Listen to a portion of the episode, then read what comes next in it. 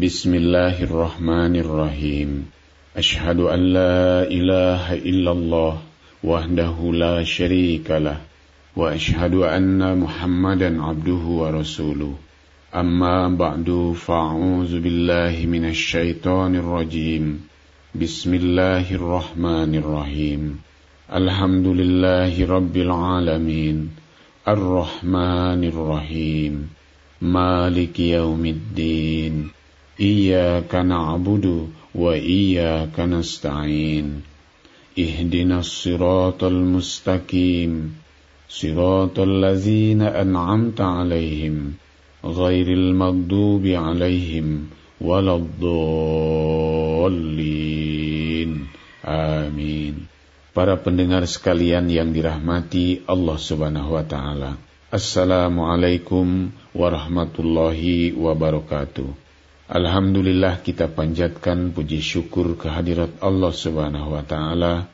Berkat rahmat dan karunia-Nya kita berjumpa kembali dalam acara tarbiyat dan ta'lim online, program yang diprakarsai oleh Pokja T3Ki Pusat Jemaat Ahmadiyah Indonesia. Pada kesempatan ini kami kembali mengajak para pendengar sekalian untuk menyimak bersama Hasan Haruhani dari sabda-sabda yang mulia Hazrat Halifatul Masih Ar-Rabi rahmatullah alaih dan pada episode kali ini tentang cara mengatasi kebosanan di dalam beribadah salat. Kutipan sabda-sabda ini kami ambil dari khutbah Hazrat Halifatul Masih Ar-Rabi rahmatullah alaih tanggal 30 November tahun 1990 di Masjid Al-Fadl London. Para pendengar sekalian, Hazrat Halifatul Masih Ar-Rabi rahmatullah alaih bersabda, banyak sekali diterima surat dari para anggota jemaat di berbagai negara yang isinya menanyakan tentang bagaimana cara memperoleh kekuatan di dalam salat. Mereka telah berusaha keras dalam melaksanakan salat, akan tetapi mereka tidak merasakan kelezatan ibadah salat. Bahkan sebagian di antara mereka sekalipun telah melakukan ibadah salat secara lahiriah sampai kepada puncaknya, namun kelezatan tidak juga mereka rasakan. Maka mereka bermaksud akan meninggalkan ibadah salat. Mereka seolah-olah memberikan peringatan terakhir kepada saya, untuk dapat memberikan pengertian agar mereka diselamatkan dari bahaya tersebut. Jika tidak, kalau sampai mereka berpaling dari ibadah salat, maka mereka tidak bertanggung jawab. Saya telah memberikan jawaban secara ringkas yang berbeda-beda kepada setiap orang yang menanyakan mengenai hal ini. Namun karena topik ini sangat penting, dan walaupun di dalam hutbah-hutbah saya telah memberikan penjelasan-penjelasan, akan tetapi saya menganggap perlu untuk memberikan penjelasan berulang kali yang berbeda-beda di hadapan jemaat secara umum. Dan pada khutbah hari ini saya akan menjelaskannya berdasarkan surah Al-Fatihah. Sebab sebenarnya surah Al-Fatihah dapat menjawab segala masalah. Tiada suatu kesulitan pun yang tidak dapat dipecahkan oleh surah Al-Fatihah.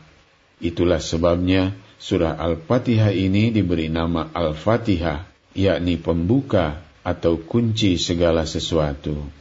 Jika saudara-saudara merenungkan secara mendalam tentang surah Al-Fatihah ini, maka tidak akan ada satu permasalahan pun di dunia ini yang tidak terdapat kunci pemecahannya di dalam surah ini. Surah ini pun dikenal pula sebagai Ummul Kitab, yaitu ibu dari Al-Quran Karim dan banyak lagi nama lainnya. Al-Fatihah mempunyai tujuh ayat dan tujuh topik yang diuraikan di dalamnya. Dan surah ini dibaca di setiap rakaat salat. Surah ini dapat memecahkan setiap permasalahan. Orang-orang Nasrani hanya satu kali dalam satu minggu membaca ayat-ayat kitab sucinya. Sedangkan setiap orang muslim setiap hari di setiap salat lima waktu membaca surah Al-Fatihah ini di setiap rakaat salatnya. Surah ini di luar salat pun terus-menerus dibaca.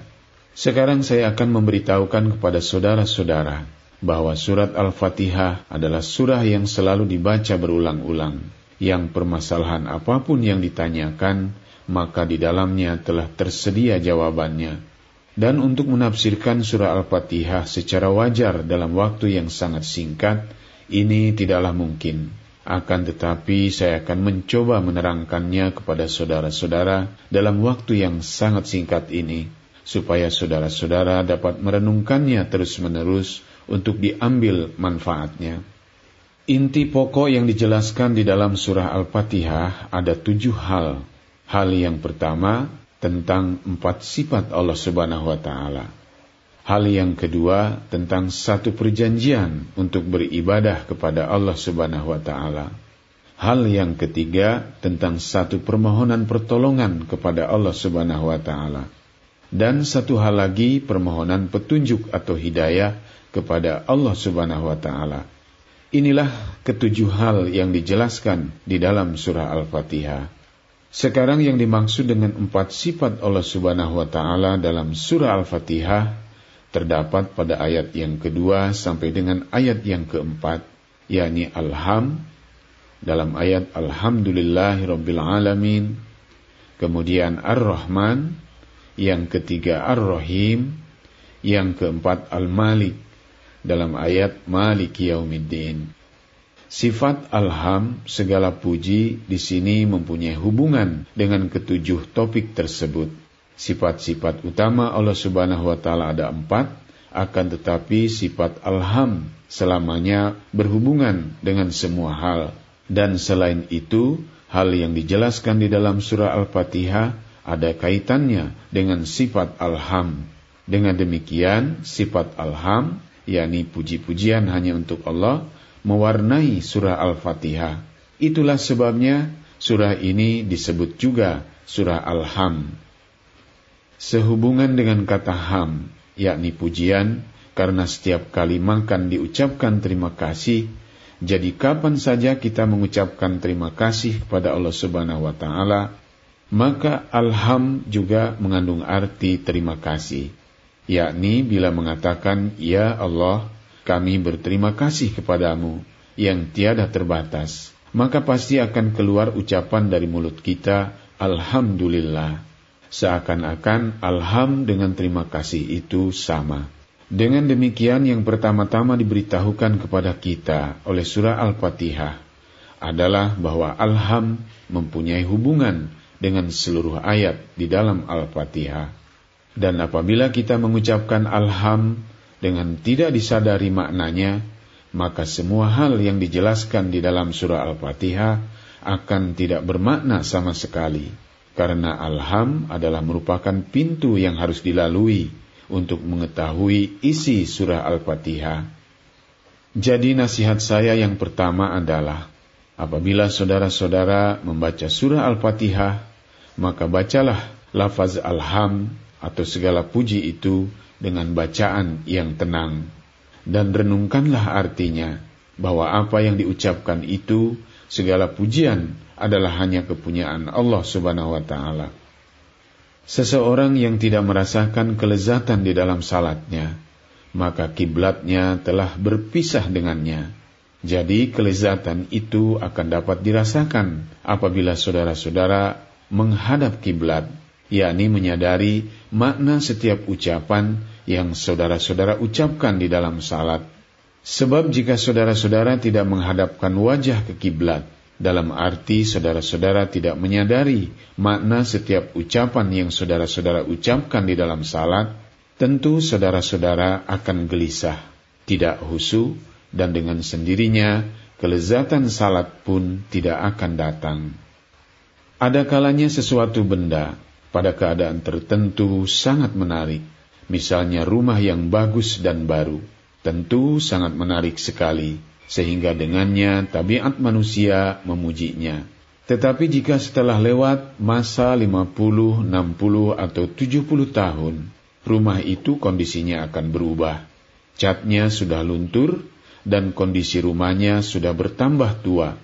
Modelnya sudah ketinggalan zaman, maka pujian terhadap rumah seperti ini pun makin lama makin berkurang dan akhirnya akan habis. Jadi sesuatu yang baik akan tetap dicintai selama hal itu bagus. Akan tetapi jika kebagusannya telah hilang, maka merupakan tabiat manusia pujian terhadapnya akan hilang pula dan akhirnya manusia membencinya dan meninggalkan rumah itu jauh-jauh. Maka sebenarnya satu tafsir dari kalimat Alhamdulillah, segala puji bagi Allah, ialah dengan cara merenungkannya. Maka sesuatu akan muncul di hadapan saudara-saudara jika saudara-saudara merenungkannya. Barang-barang yang saudara-saudara senangi, cobalah perhatikan baik-baik. Maka kecantikannya itu tidaklah tetap, tidak abadi. Begitu juga kelezatannya akan berubah-ubah. Bahkan walaupun di dalam suatu makanan ada kelezatan, tetapi jika saudara-saudara memandangnya ketika dalam keadaan perut kenyang, maka keutamaan makanan itu akan hilang. Sekalipun misalnya saudara-saudara memakannya sampai kenyang, tetapi jika perut sudah penuh, maka alham atau pujian terhadap makanan itu pun akan habis pula. Sehingga jika ada yang menawarkan pun kepada saudara-saudara makanan itu, tentu saudara-saudara akan menolaknya dan akan mengatakan, "Tidak, saya tidak memerlukannya." Dan jika orang itu memaksa saudara-saudara untuk memakannya, tentu saudara-saudara akan marah dan berkata di dalam hati, Kenapa orang ini menimpakan musibah kepadaku? Anak kecil pun bila diberi makanan oleh ibunya, selalu berterus terang kepada ibunya. Kadang-kadang menolaknya, bahwa walaupun ibu memaksa saya, saya tidak akan memakannya.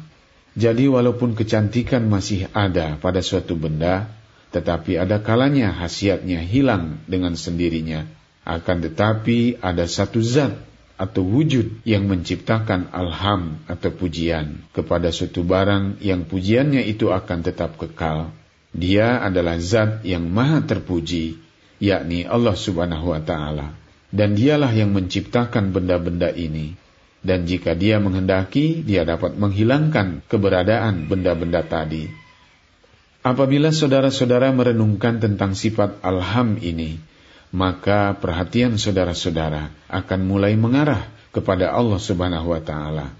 Dan jika perhatian saudara-saudara telah mengarah kepada Allah Subhanahu wa taala yang telah menciptakan alham atau puji-pujian, maka apa pun yang saudara-saudara renungkan, saudara-saudara mentafakurinya, maka yang akan tergambar di hadapan saudara-saudara adalah sifat alham atau pujian Allah Ta'ala dan segala sesuatu yang menjadi pusat perhatian saudara-saudara di dunia ini, yakni bukan hanya satu dua benda saja yang saudara-saudara puji dan saudara-saudara jadikan kecintaan, bahkan segala sesuatu yang menjadi perhatian saudara-saudara, tidak ada satupun yang kosong dari alham Allah Ta'ala atau dari pujian terhadap Allah Ta'ala.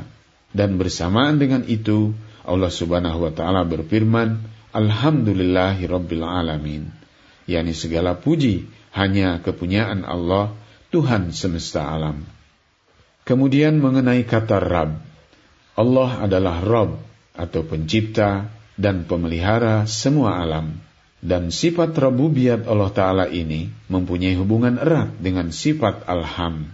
Bagi saya tidak mungkin menyatukan bahasan topik tentang alham ini dengan tujuh topik lainnya dan menjelaskannya secara rinci.